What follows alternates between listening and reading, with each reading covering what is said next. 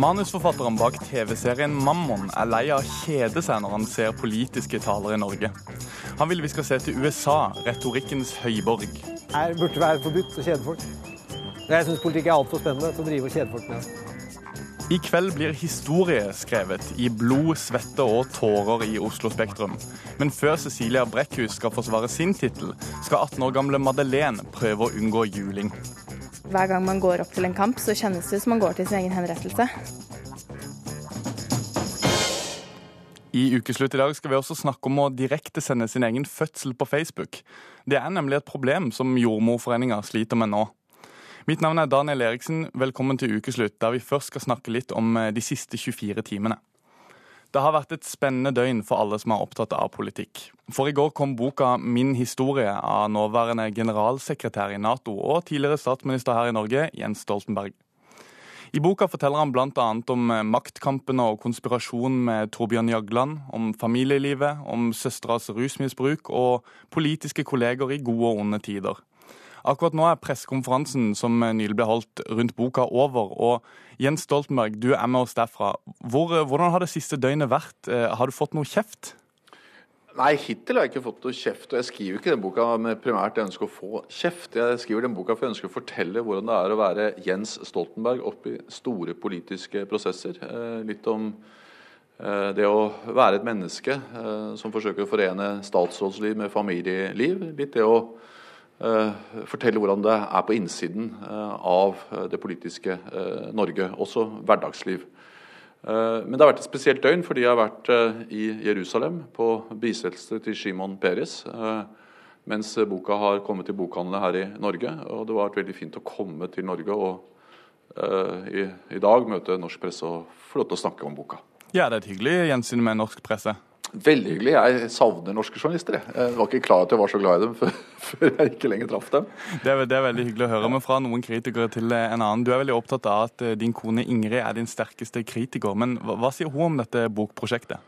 Nei, Jeg opplever at hun eh, alt i alt eh, mener at det er riktig at jeg har skrevet bok. Men hun er veldig kjærlig og veldig god støtte. Men hun er også i perioder litt streng. Og hun er opptatt av at jeg ikke skal bruke det lille jeg har av fritid til eh, bokskriving. Eh, men denne sommeren her så ble det mye bokskriving. Dette er en bok som jeg har egentlig jobbet med helt siden 2007. Da inngikk jeg en avtale med eh, forlaget og har lest inn små sånne snutter på mobiltelefonen min og samlet notater. Og så har jeg fått mye hjelp både med skriving og dokumentasjon. Og, og, så kom jeg langt i det året jeg, som gikk mellom at jeg ikke har som statsminister i 2013 og begynte i Nato i 2014. Men jeg måtte gjøre den ferdig nå, eh, og det greide jeg denne sommeren. Mm. No, noe av det som har fått mest eh, oppmerksomhet, kanskje naturlig nok, er dette med Torbjørn Jøgland. og han, han, sier at han aldri har følt det passende å forklare hva som skjedde rundt den bitre personstrid mellom dere i 2002. Hvorfor vil du fortelle den historien nå? Fordi Det er nå jeg skriver boken om mitt uh, politiske liv i eh, Norge. Og jeg uh, skriver om veldig mange ting, men jeg vil være rart om jeg ikke skrev om uh, også samarbeidet med Torbjørn Jagland. Alt det som fungerte, som det står mye om i boka. Og det Torbjørn Jagland fikk til. Han er en mann med veldig mange gode politiske egenskaper. Han fornyet Arbeiderpartiet. Han sto i førersetet for solidaritetsalternativet som fikk ned arbeidsløsheten på 1990-tallet. Og han valgte meg til finansminister i 97. så som jeg tok som en veldig stor tillitserklæring. Eh, 96 var det han valgte meg. Og, og, og, jeg skriver om alt dette i boka. Eh, om alt eh, han har fått til, og alle de årene vi samarbeidet godt. Men så skriver jeg også selvfølgelig om eh, det som ikke fungerte, eh, og spesielt den vanskelige høsten 2001. Har, har du snakka med han under skrivinga av boka eller etter publiseringa av boka? Jeg har, eh, Han vet at jeg har skrevet bok, eh, men jeg har ikke noe behov for å måte eh, redegjøre for akkurat hvordan jeg kommuniserer med Torbjørn Jagland. Jeg skriver i boka at etter de vanskelige årene, eller spesielt da 2000-2001, så, så gjenopprettet jeg og Torbjørn et ryddig og ordentlig samarbeidsforhold. Han var stortingspresident, jeg var statsminister. Vi samarbeidet godt da. og vi også samarbeidet på en ryddig måte uh, senere. Så uh, vi har samarbeidet i mange mange år. Uh, fått til mye. han var jo min politiske læremester, som jeg skriver i boka. Men så kom vi til et punkt der vi ikke lenger greide å dele ansvaret for å lede Arbeiderpartiet, og det ble vondt for Torbjørn. Det ble vondt for meg og det ble vondt for Arbeiderpartiet, men det var nødvendig å avslutte det delte lederskapet av Arbeiderpartiet. Hvis vi går litt lenger fram i tid, i boka skriver du at du nekta Knut Storberget å gå av som justisminister etter 22.07. Hvorfor gjorde du det? Fordi jeg mente at vi trengte Knut Storberget til å gjøre det som da var viktig. Og det var eh, både å få på plass eh, en kommisjon, en utredning, Gjørv-kommisjonen, som ga oss en usminket og ærlig beskrivelse av hva som hadde skjedd. Det som hadde fungert, men ikke minst det som ikke hadde fungert.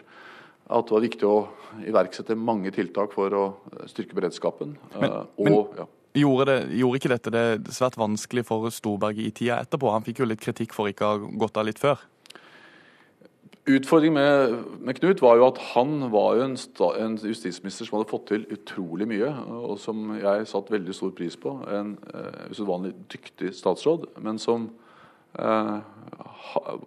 altså hadde mye å gjøre, var sliten, hadde prøvd å kombinere familieliv og, og statsrådsliv. Uh, og hadde også snakket om å trekke seg tidligere.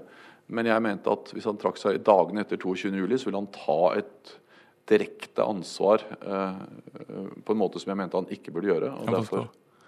Etter, litt mer historie, du får unnskylde det. Etter å ha tapt valget i 2001, så, så danna du i 2005 regjering med SV og Senterpartiet. Og det jeg har lyst til å spørre om da, altså Fram til da så hadde Arbeiderpartiet alltid regjert alene. Hvor krevende var dette rød-grønne samarbeidet? Det var eh, et veldig godt samarbeid. Altså det, er jo, det, er jo, ikke sånn at det enten er krevende eller ikke krevende. Det er, det er både òg. Og. og vi fikk til utrolig mye sammen. Vi er den lengst sittende koalisjonsregjeringen i norgeshistorien. Vi, vi vant to valg sammen. og jeg mener at SV, Arbeiderpartiet og Senterpartiet fikk fram noe av det beste i hverandres partier. Og Det er veld, veldig imponerende, men, men, hva var det som var krevende med det? Ja, Det som var krevende, var at vi var jo tre ulike partier. At vi fram mot valget i 2013, etter å ha vunnet i 2009 eh, og 2000, eller 2005 og 2009, så slet vi litt, og vi ble nok også litt slitne av hverandre. Og... Ja, Du skriver bl.a. rundt dette bråket rundt pengebevilgningene til SV og hvordan Lysbakken håndterte det, så skriver du at du var så inderlig lei. Åssen er det å være politiker og skal samarbeide og være inderlig lei? Nei, Jeg var jo inderlig lei av de sakene eh, som var sånne små eh, skandaler eh, om, om, hyttebygging, nei, bryggebygging på Vestlandet og hytter og, og utleie av stabber og, og, hva det nå var. Eh, og det er klart Jeg var lei av det, for det tok så ekstremt mye oppmerksomhet eh, fra det politiske samarbeidet. Men så prøvde jeg å ikke bli sur, eh, så, og det var ikke så lett alltid. fordi sure politikere som begynner å skylde på pressen, det er klare tapere. Så, så jeg prøvde å holde maska. Det forstår jeg. Men, men, neste høst er det valg. Jeg har lyst til å se litt framover dit. Eh, anbefaler du da Arbeiderpartiet og Jonas Gahr Støre å danne regjering alene? Jeg har vært veldig opptatt av at eh, denne boka handler om tiden fram til jeg går ut av norsk politikk. Det handler om mange eh, private ting. Det handler om uh, lillesøsteren min Nini. Det handler om hvordan det er å være privatperson, menneske Jens Stoltenberg, oppi alle disse uh, dramatiske tingene.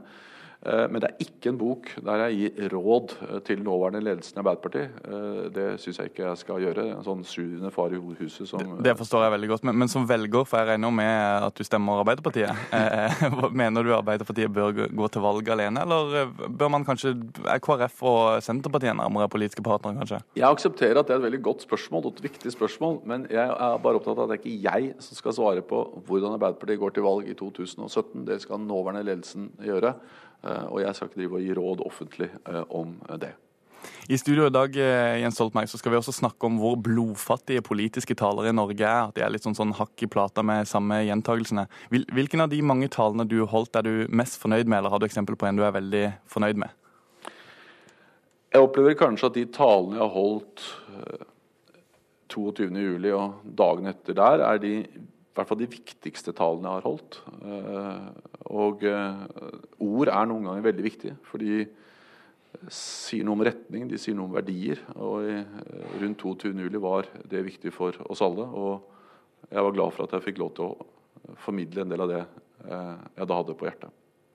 Tusen takk til deg, Jens Stoltenberg, og gratulerer med bok. Da får du gå tilbake til pressekonferansen. Takk for at du var med oss i Ukeslutt. Har du noen gang prøvd å følge med på en politisk tale, og ikke bare det, men fra A til Å?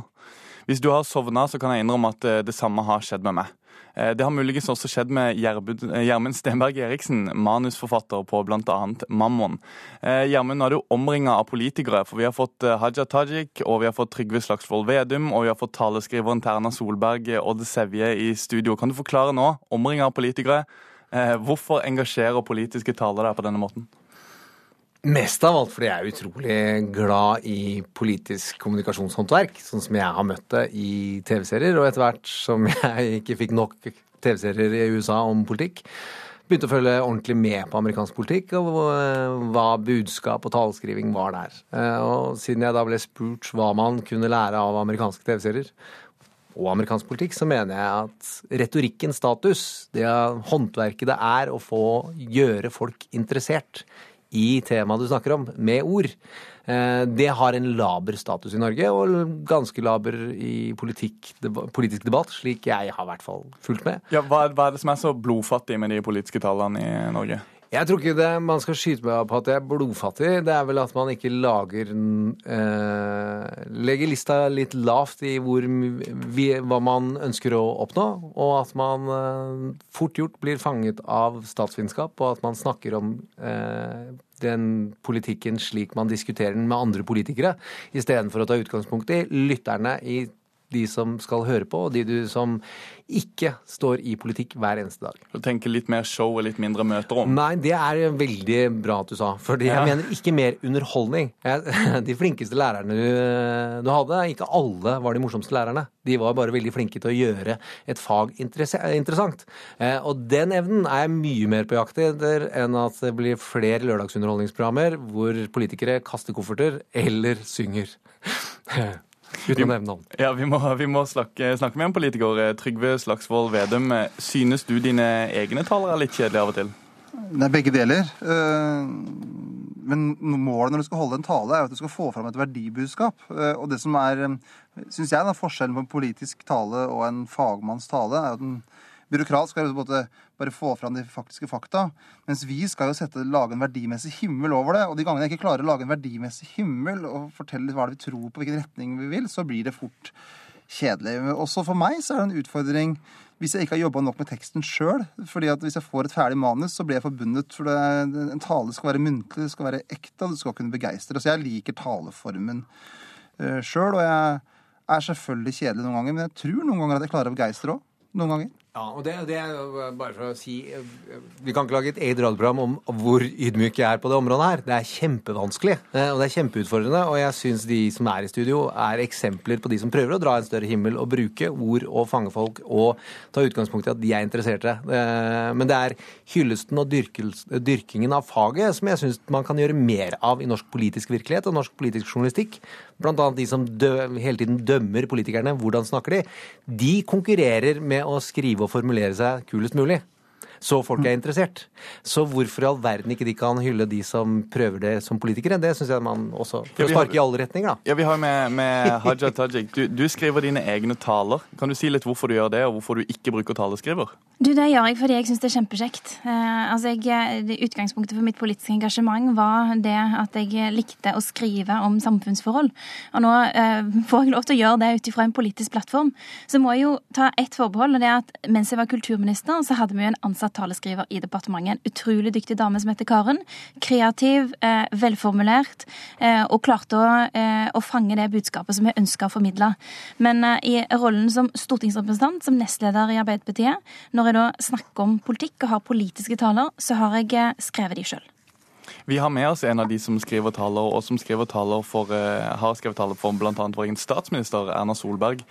Odd Sevje, hva er det du kunne tenkt deg å skrive i den politiske talen som du ikke kan eller tør å skrive? Eh, alle vil jo helst eh, helle champagne i ørene på tilhørerne og gi dem hornmusikk i brystet. Yes, eh, eh, men altså, for å si sånn, eh, norsk politikk er ganske jordnært. Eh, og da er det ikke alltid like lett å få det til. Men må det, må det være jordnært? Nei, ikke alltid. Altså, jeg er helt enig med Vedum i at vi skal ha en litt sånn høyere himmel.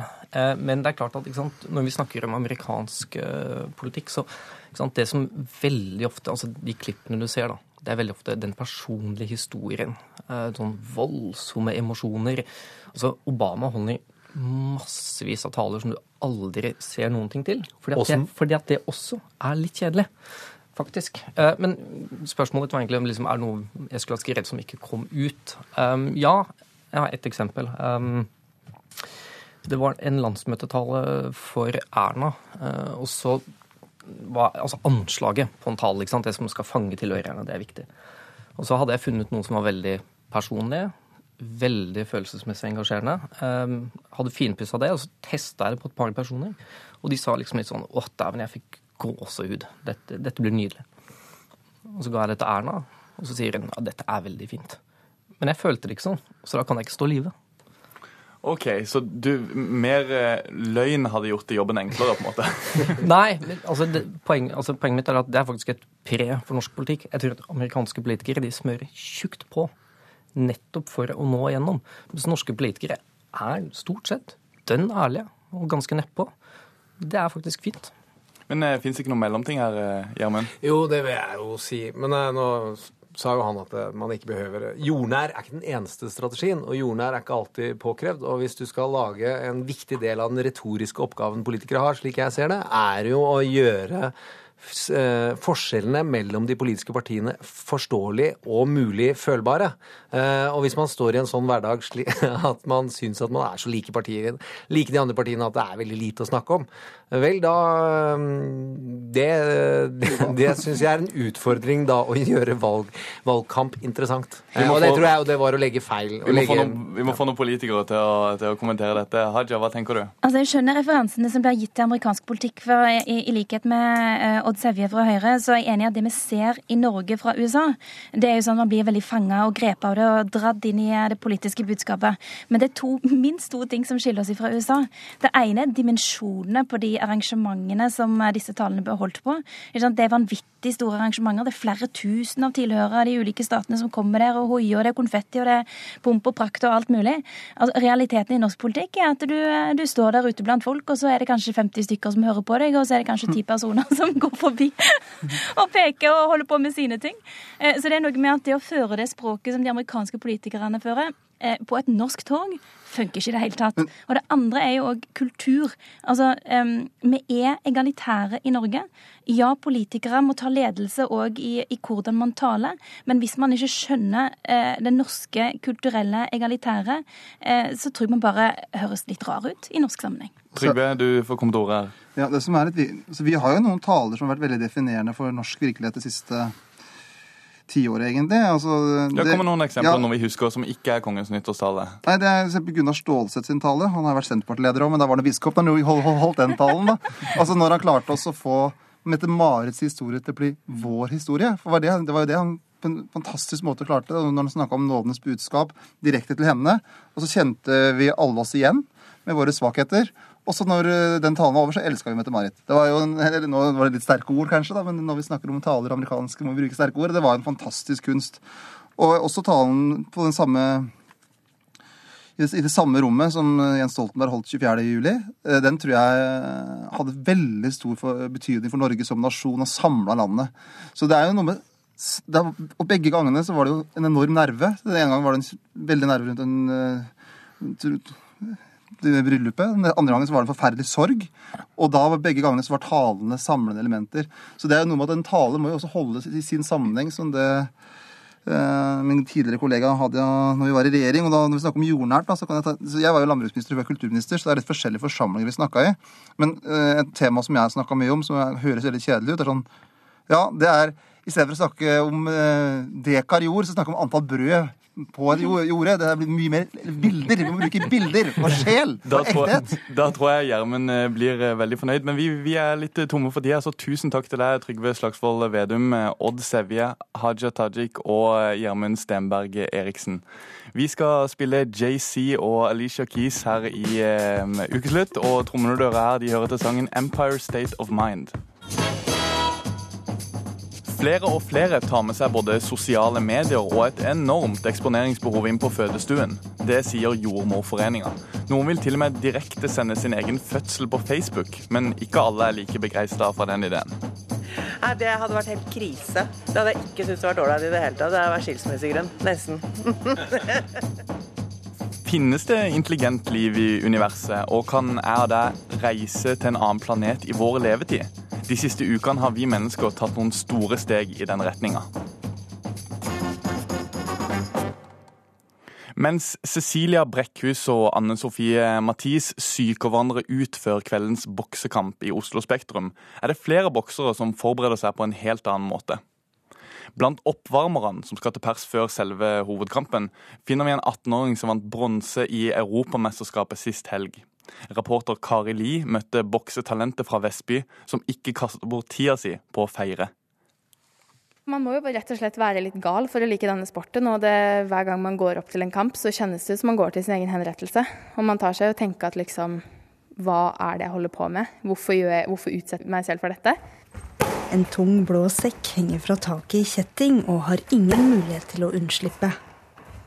Madeleine Angelsen hopper fra side til side og slår knallhardt så sekken svinger rundt. Men med en gang kampen er ferdig, når du har vunnet eller om du har tapt, så er du alltid enten så er du, syns du det er så gøy og er så speeda på den seieren at du bare vil gjøre det igjen. Eh, eller så vil du ha revansj. 18-åringen tok bronse i bokse-EM sist helg. På nesa og haka har hun blåmerker hun fikk da den tyrkiske motstanderen fikk inn noen fulltreffere i semifinalen. Plutselig så var det en veldig hard treff der, og så mistet jeg tannbeskytteren. Eh, og jeg så på den, og så plutselig så sto dommeren der og telte. Så da var det bare å vise at jeg ville fortsette på en måte så mye jeg kunne, og så håpe at han ikke valgte å avslutte kampen. Da har du fått et så hardt slag at du er litt omtåka, eller hva? Mm, det var én treff som faktisk var sånn at jeg kjente at det prikket litt i hodet. Men utover det så tror jeg han telte mest for, eh, av sikkerhetsmessige årsaker. Da. For eh, det var harde treff, men jeg klarte å holde fokus hele veien. Hadde det vært andre idretter, eh, så hadde vedkommende vært tatt ut av banen, f.eks. en fotballspiller, og satt på sidelinjen og sett hvordan det gikk, og ikke fortsatt kampen da. Ingunn Riise Kirkeby er nevrokirurg og overlege på Rikshospitalet. Men hun fortsetter jo kampen og, og kommer ja. på tredjeplass, så det går jo ja, fint. Da. Ja, tilsynelatende, og det er jo veldig bra at det gjør. Og det behøver ikke å bli en skade der og da, men får man mange sånne slag gjennom flere år, så er ikke faren eh, betydelig for at man kan få noe som heter boksedemens. Riise Kirkeby satt inntil nylig i godkjenningsnemnda for den såkalte knockout-loven, og bestemte hva som kunne tillates i ringen. Men etter at Kulturdepartementet endra reglene sånn at Cecilia Brekkhus kan proffbokse lovlig i Norge, trakk hele nemnda seg i protest. Kampene kan gå opp til 36 minutter. Eh, og at det er gitt tillatelse til at alle opptil 40 år kan, eh, kan, søke om å gå disse kampene. Og Da fant vi at denne endringen på langt vei tilsidesetter formålet knockoutloven var satt til å oppfylle. Eh, og Vi fant det ikke mulig å fortsette i våre verv så lenge knockoutforskriften ikke bidrar bedre til å ivareta utøvers sikkerhet. Kulturminister Linda Hofstad Helleland skriver i en e-post til ukeslutt at hun tar til etterretning at godkjenningsnemnda trakk seg og at hun jobber med å få på plass en ny. Retorikk fra en eh, komité som har gravd sin egen grav. Generalsekretær Erik Nilsen i Norges bokseforbund dukker unna fintene fra hjernekirurg Grise Kirkeby og sender en rett høyre i retur. Eh, så de har sittet og forvalta en litt dinosauruslov som ikke er i dag. og det er dessverre blitt uh, mer personlig i den komiteen der enn, det det burde vært. Det har vært en lukka forsamling, så vi skal prate om Nord-Korea. Knockout-lovens forvaltere har vært Nord-Korea. Diktator Kim Jong-un er faktisk på linje med den tidligere knockout-nemnda i Norge. Nord-Korea og Island har fortsatt forbud mot proffboksing. Men uansett hva diktatorer og andre måtte mene, boksereglementet er liberalisert såpass at amatørene nå ligner mer på proffene.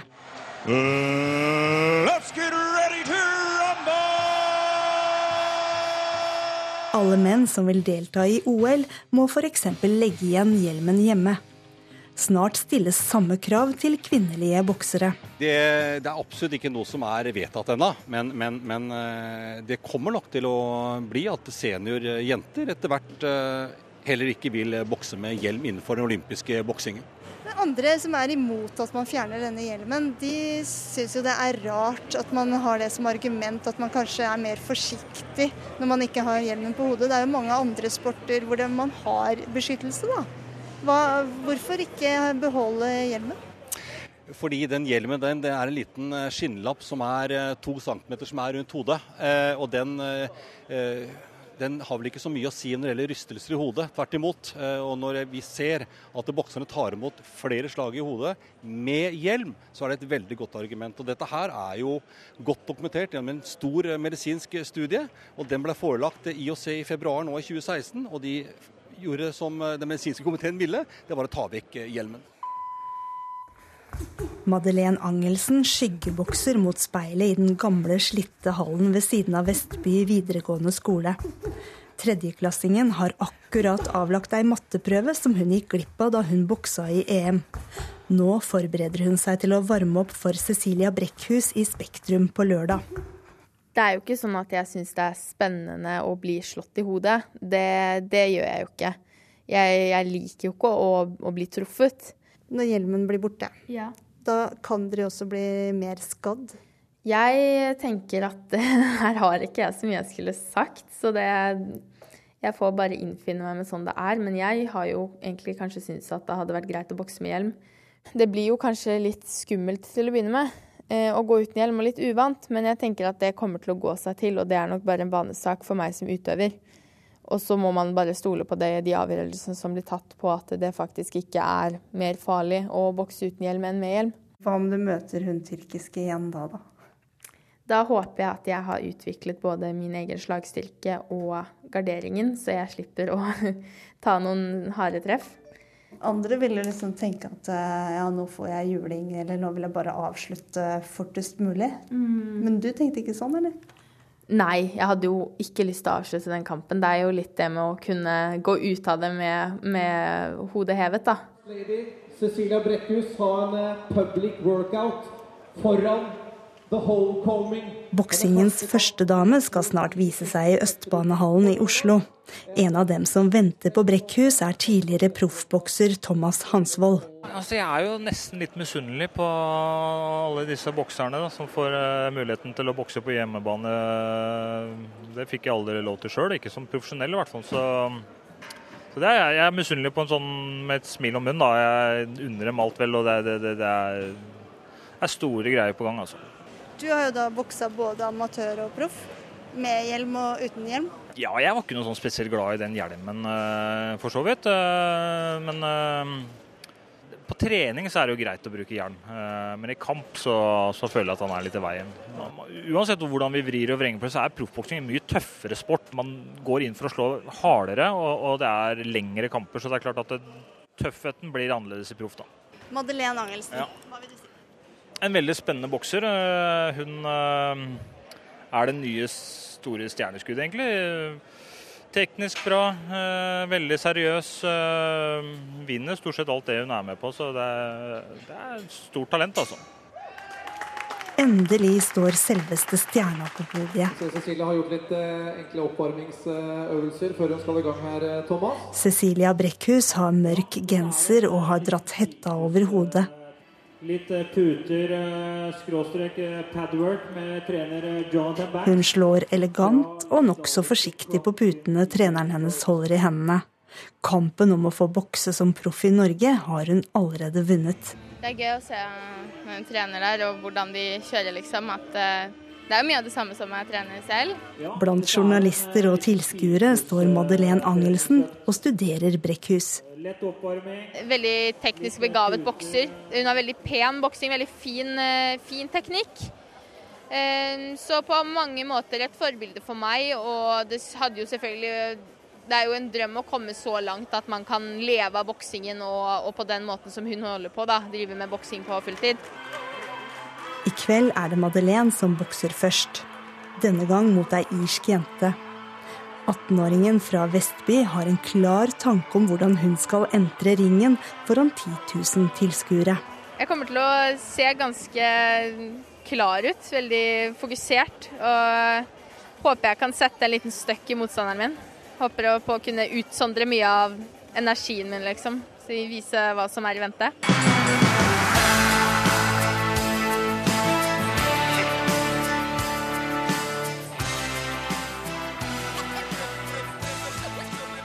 Reporter her var Kari Li, men vi skal over til en annen ukesluttreporter, nemlig reporter Anders Werner Øfsti. Du står der den første knyttneven faller om eh, noen timer, inne i ringen i Oslo Spektrum.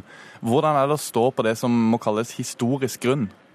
Jo, du, Det er ganske spennende. Jeg står rett utom her, da, i og for seg i det blå hjørnet, som er verdensmester Cecilia Brekkhus sitt eh, hjørne i kveld. Og her er Gongongen er like i nærheten, og det er Ja, de holder på å gjøre klart her nå til det her stevnet som, eh, som starter klokka sju i kveld, men som, eh, som eh, Cecilia går på ja, ca. 22-22.30, kanskje.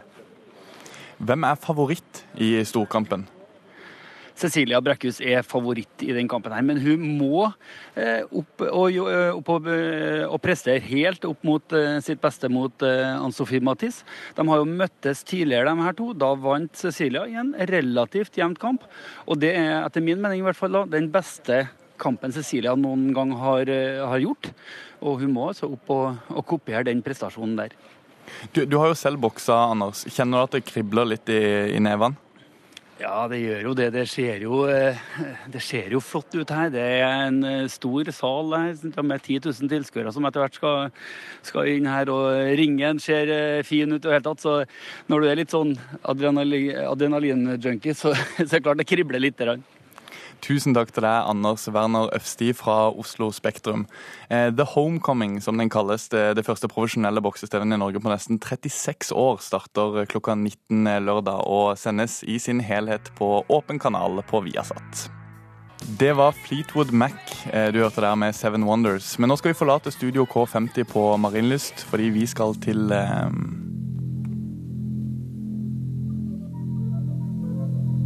Universet en uendelighet av stjerner og planeter. Ingen vet hvor stort eller hvor gammelt det er. Nå vet vi jo strengt tatt hvor gammelt det er, men eh, de siste par ukene har vi mennesker kommet nærmere å få svar på et av de store spørsmålene, nemlig om det finnes liv i verdensrommet. NASA har funnet vann på Europa, en av Jupiters måner. Og der det er vann, er det veldig ofte liv. Terje Wahl, du er avdelingsdirektør hos Norsk Romsenter. Jeg skal begynne veldig enkelt. Fins det intelligent liv i universet? Ja, vi har i hvert fall grunn til å tro at det er intelligent liv her i studio. Og hvis vi går litt lenger ut, så finnes det seks astronauter i bane rundt jorda på romstasjonen. Men lenger ut enn det vet man jo ikke noe mer, da. Og jeg, mitt tips er at i vårt solsystem så er det ikke intelligent liv andre steder. Men går du langt utover universet, så veit du jo at det er milliarder av stjerner og planeter rundt de aller fleste av dem. Så der kan det jo være muligheter for intelligent liv. Ja, er det sånn, Jeg har hørt noen si at det er, det er nesten det er umulig at det ikke finnes noe intelligent liv. Er du en av de som sier det? Jeg tror nok at det finnes intelligent liv et eller annet sted. Men jeg tror sannsynligheten for at intelligente sivilisasjoner kommer i kontakt med hverandre, den tror jeg er veldig liten. Halvard Sandberg, journalist i NRK. Du skriver om dette. Det er det ikke så mange som gjør, men eh, du har dekka dette feltet i 40 eh, år. Så du syns jo dette er veldig interessant. Hva, hva er det du håper på skal skje? Er du en av de som vil forlate jorda? Jeg håper jo på, også for Terje Walls uh, vegne, at uh, man finner et hull i isen på Europa, og der dukker opp en eller annen som sier hei. Det er det jeg håper på. Eh, sannsynligheten for det er jo da ytterst eh, liten. Men jeg har møtt da toppfolk i NASA som eh, sier at det der er sannsynligvis det beste stedet for liv å oppstå i solsystemet, altså bedre enn jorden nemlig det store havet under isen eh, på månen Europa. Ja, Kan jeg fortelle litt om det? For det første kan vi bare spørre deg først, Halvard. Hvor, eh, hvor stor er denne nyheten fra NASA? Nei, altså Her har eh, NASA gjort noe bra med PR-maskineriet sitt. Det vil si at De kommer en uke i forveien og sier at på mandag kommer vi med en kjempestor nyhet. og det har med mulighetene for ja, hav eh, og sånt noe. Ikke det er ikke så ofte vi lager forhåndssaker på astrofysikk? Nei, og i hvert fall ikke forhåndssaker som går som absolutt beste saken denne uken. Men når de da skal holde pressekonferansen sin, så sender de ikke engang på TV. Det er en innringningspressekonferanse, slik at det er ingen tyngde de legger i det. Og det de kommer med, er at de kommer med en ytterligere sannsynlighet for at det finnes eh, flytende vann på Europa. De slår ikke helt fast, men de ser da at det sannsynligvis så ser de vanndamp som kommer opp fra isen. Hvor, eh, hvor vil du plassere denne nyheten på, på Richter-skalaen omtrent? altså, eh, man er jo temmelig sikre på at det finnes massevis av vann på Europa, men det ligger jo flere kilometer med is oppå det vannet. Så det som er nyheten her, er jo at det, det da er sånn geysirer som kommer opp. Så fra et vitenskapelig perspektiv er det veldig fint, for da, du kan jo da reise og bare måle gjennom de der geysirene for å finne ut hva slags vann det er der, og om det er noen ja, indikasjoner på liv i det vannet, i stedet for å måtte bore deg gjennom alle de der kilometerne med is for å komme ned til vannet. Så praktisk nyttig for vitenskapen. Men ikke noe sånn eh, eksistensiell nyhet. Ingen grønne menn, på en måte. Nei. Eh, Jeg har også lyst til å snakke litt om denne Elon Musk, han som er sjef for Tesla og det nyoppstartede SpaceX. Han mener vi kan sende 100 000 til men eh, mennesker til Mars innen noen år. Er det reelt? Han, han la jo fram siste uke på denne store astronautkongressen en, en konkret plan med teknologi og design for, for store romraketter og romfartøy som, som er mulig å bygge med dagens spissteknologi. Så å kunne frakte folk eh, til og frakte folk fra Mars er i prinsippet mulig. Det er Hvor lang, bare- hvor lang tid tar det å komme til Mars med en sånn eh, SpaceX-rakett? Ja, Det tar noen måneder. Typisk eh, tre måneder. Avhengig av litt på hvordan planetene står i forhold til hverandre. Litt som en sånn interrail i Europa eller noe sånt, den, den greia der. Men hvor langt er vi unna å kunne kolonisere en planet med teknologi? Kommer an på hva du legger med kolonisere det. Altså Hvis det er sånn som Martian, som bare å dyrke noen planter der, så har du kolonisert det, så kunne vi gjort det med dagens eh, teknologi. Det hadde vært eh, veldig, veldig dyrt. Men å sende av gårde noe som kunne lande på Mars, og så eh, dyrke noe der og kalle det kolonisering, så går det. Men det som Elon Musk snakker om, er at du trenger én million mennesker for å ha en koloni som står på beina av seg sjøl. Altså én million mennesker. Da snakker han om minst 100 000 oppskytninger av denne gigantiske raketten, eller 100 000 av disse romfartøyene skal gå. Du trenger faktisk flere oppskytninger av den raketten for å få ett av romskipene til å gå av gårde. For han skal etterfylle det i bane eh, over jorda. Jeg ser liksom for meg Matt Damon allerede på vei gjennom universet her. Ja, men altså, Det som stopper dette, er penger. Hvis den vestlige sivilisasjonen bestemte seg for at vi ikke skal bruke penger på våpen, så kunne vi fått til dette her veldig, veldig, veldig greit og raskt. Jeg har ikke altfor mye tid igjen, men jeg har veldig lyst til å spørre om For jeg er 28 år. Er det sannsynlig at eh, jeg i løpet av min levetid kan få lov til å eh, reise en annen planet? Terje Wahl? Eh, Ja, Den gode nyheten er at du er ikke for gammel til å bli astronaut. Fordi at det er såpass mye stråling på disse ferdene, så man ønsker egentlig ikke å sende veldig unge folk. Og rent teknisk så kan det godt hende at du kan bli den første talkshow-lederen på et studio på månen. Eh, Jeg er litt mer skeptisk til at det, det blir noe særlig infrastruktur på Mars i din eh, astronauttid, men det, det kan tenkes. Men jeg tror det som kommer først, vil bli en forskningsstasjon på månen. Tusen takk til eh, dere to, eh, Terje Wahl, eh, avdelingsdirektør hos Norsk, Romsenter, og Halvard Sandberg, journalist her i NRK. Og hvis astrofysikk er litt sånn nytt og interessant, så fins det et vell av dokumentarer man kan se på diverse strømmetjenester og også her hos NRK. De siste ukene har Facebook-feeden min, og kanskje også din, hatt en eksplosjon av direkterapporteringer, eller live Facebook Live. Alt fra matforberedelser og eksamensforberedelser, hei, vi er på tur i fjellheimen, og andre roper om, om oppmerksomhet. Denne nye trenden har altså funnet veien inn på fødestua. For idet noen trekker sitt første pust, så får foreldrene sin første like. Vi tok turen til Oslo universitetssykehus og møtte noen nybakte foreldre på barsel. Hvis noen hadde spurt om dere ville livestreame fødselen på Facebook? Eh. Nei, Fytti rakkeren, det tror jeg ikke jeg hadde orka å sett på heller. Nei, Det hadde vært helt krise. Det hadde jeg ikke syntes vært ålreit i det hele tatt. Det hadde vært skilsmissegrunn. Nesten. Jeg tulla faktisk litt med om det i går i forhold til den nye siste Facebook-oppdateringen. At du hadde den muligheten. Jeg, jeg skimte egentlig bare ansiktsuttrykket og skjønte hva han mente rundt det. Han eh, kom eh, som en rakett etter, eh, ja, på gjesterommet hjemme, så vi rakk ikke å tenke tanken engang. Hvis du hadde fått muligheten til å livestreame fødselen din, hadde det vært noe du kunne tenke deg? Nei, jeg, det tror jeg egentlig ikke. I og med at dette var første barnet, så tror jeg vi hadde bare fokusert på oss selv og, og hatt den opplevelsen sammen. Men ja, hvem vet. Kanskje neste gang. Kirsten Jørgensen, eh, du er politisk leder i Jordmorforeninga og har sett mange mange barn komme til verden. Her var det ikke mange som ville sende direkte, men det fins noen. Hvor, hvor, stor er denne utfordringa for dere? Jeg tenker at det, det, er, det er vel kanskje ikke den største utfordringen akkurat nå, men vi vet at dette vil komme. Og det, sosiale, sosiale medier får jo et stadig større plass i våre liv. Og mm, vi i Den norske jordmorforening vi er egentlig begynt å interessere oss for dette, og, og har satt det på dagsorden i foreningen òg. Og jeg vet mange jordmødre ute er opptatt av det. Um, og jeg spør meg sjøl, er det sånn at alt må deles til enhver tid? Uh, det kan vi jo spørre Mari Blindheim Midtstigen, du er redaktør for magasinet Foreldre og barn. Må vi dele alt hele tida? Du vet hva, Jeg tror det er litt viktig å huske på at eh, foreldre også er mennesker. sånn at det er eh, veldig individuelt hva man ønsker å dele og ikke med omverdenen. Og da tror jeg på en måte at eh, de som liker å ha ting veldig privat, de vil jo fortsette å ha det. Og så er det noen som liker å dele mye, og sånn har det på en måte alltid vært. Og nå har det, de tatt steget ut i sosiale medier. Og så er det jo sånn at teknologi forandrer måten vi lever livene våre på. Eh, en del av eh, det som alltid har vært der, eh, har nå tatt sted, liksom på en måte forflytta seg inn på sosiale medier. Og det å dele ting der er ikke nødvendigvis så annerledes enn det å dele det med familie og venner før. Altså, Jørgensen, er det sånn at dette er bare en ny generasjon? De bare lever livet sitt på en annen måte? De har telefonen planta i hånda hele tida. De må vel kanskje få lov til det, eller? Jeg tenker jo at det, Fødselen er en veldig privat og intim begivenhet. Og jeg tenker at Å være til stede og ta inn over seg det fantastiske øyeblikk når du møter barnet ditt for første gang, når du åpner øynene og kikker på deg undrende 'Her er jeg', det er noe magisk over det.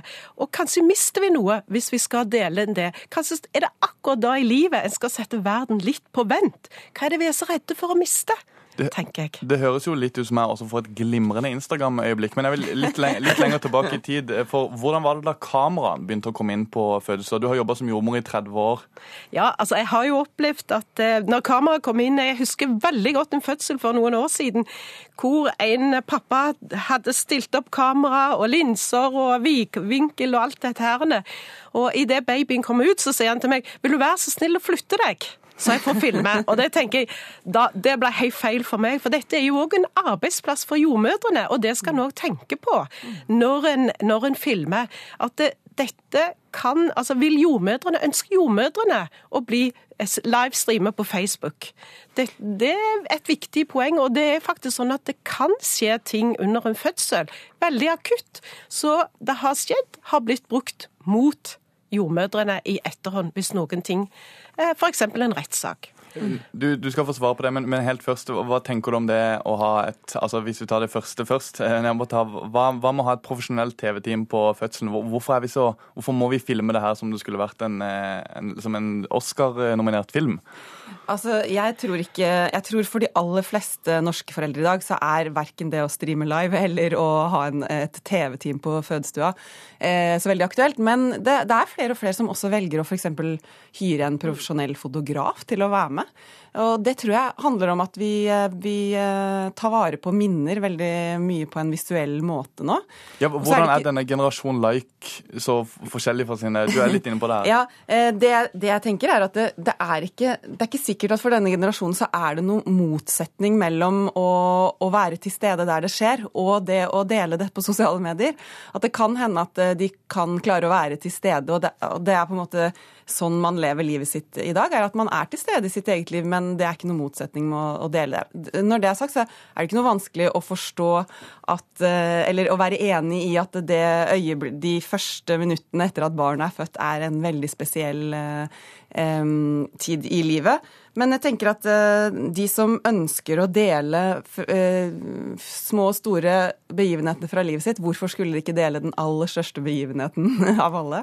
Ja, for, for at jeg skal, selv om, eh, selv om det, er, det, er, mye blogger og sånn som, som, er veldig frampå med dette med direkte rapportering og vise, vise fødsel på, da, på skjerm, for det er jo ikke på TV nødvendigvis lenger. Som, men jeg må ta litt ansvar på vegne av min egen bedrift òg, fordi barne-TV-serien Mattis gikk på NRK på slutten av 70-tallet. Og der sendte man fødselen av Maria Fyrst, som jeg tok turen opp og snakka litt med. Kan vi ikke høre på det? Det har nok ikke påvirket livet mitt eh, noe særlig i det hele tatt. Altså, det er jo 41 år siden, 40 år siden det gikk, tror jeg. Og det var andre tider. NRK var monopolkanal. Altså, Mediebildet var jo helt annerledes. Og dette fantes ikke på internett, så det ble vist én gang. Hvor glad er du for at dette ikke finnes på internett? Veldig glad for det. Og det er vel kanskje viktig å huske på at det man legger ut her og der, lever for evig, og at man skal verne om barna sine. Altså ikke legge barna sine ut på sosiale medier når de blir født, liksom. Kan vente litt med det. Da får du spørre ved konfirmasjonen om det er greit, tenker jeg. Kirsten Jørgensen, eh, politisk leder i Jordmorforeninga. Her tenker du er enig, men har man i det hele tatt tid til å drive med sånt under en fødsel? Ja, det er mye en har tid til. Altså, det er jo det jeg prøver å si òg, at en på en måte tar bort å være til stede i øyeblikket. Nettopp ved å, å drive og filme og tenke at en skal legge ut dette fort på sosiale medier. Og jeg er veldig, veldig enig med siste hun Maria Fyrst som snakket her om, om, dette med å spørre barnet. For hvem er det som tar vare på barnets rett til privatliv? Og det, vi vet at dette blir liggende ute for evig og alltid på Facebook. Og, Midtstigen, vil du svare på det? Ja, jeg tror eh, det, det, er noe som vi setter veldig mye fokus på i bladet vårt. er at eh, Det er en eh, veldig viktig ting for oss også å tenke på som redaktører. Og nå som alle er redaktører i sitt eget liv, så er det jo ingen små fostre som har Eller barn som har samtykka til å bli filma. Men det finnes veldig mange måter å gjøre det på som er fint også. Altså Dette her med livestreaming regner jeg som en veldig smal trend foreløpig. Så det er veldig mange som f.eks. legger ut på Instagram et bilde bilde av bare de små føttene til en nyfødt, eller noen små hender, eller et lite dunete hode som da på en måte ikke identifiserer barnet, men at man sier fra om at nå er barnet kommet. Vi, kan, vi, må, vi må, avslutte snart, men, men, jeg vil gjerne høre hva du råder oss til, eh, Kirsten Jørgensen. Du, du vet jo dette best. Jeg tenker at vi skal, til, vi skal, være til, stede i det øyeblikket. Og jeg tenker at der, dette øyeblikket er unikt, og bør sette, da bør vi sette verden ute på vent litt. Det er mitt råd. Og jeg, jeg ber òg foreldre tenke seg litt om når de skal legge ut um, en fødsel på, på Facebook. Så um, det er mitt råd til nybakte foreldre. Tenk dere om. Vær til stede. Se barnet i øynene. Det er magisk. Vi sier tusen takk til deg, Kirsten Jørgensen, politisk leder i Jordmorforeninga, og Mari Blindheim Midtstigen, redaktør for magasinet Foreldre og barn.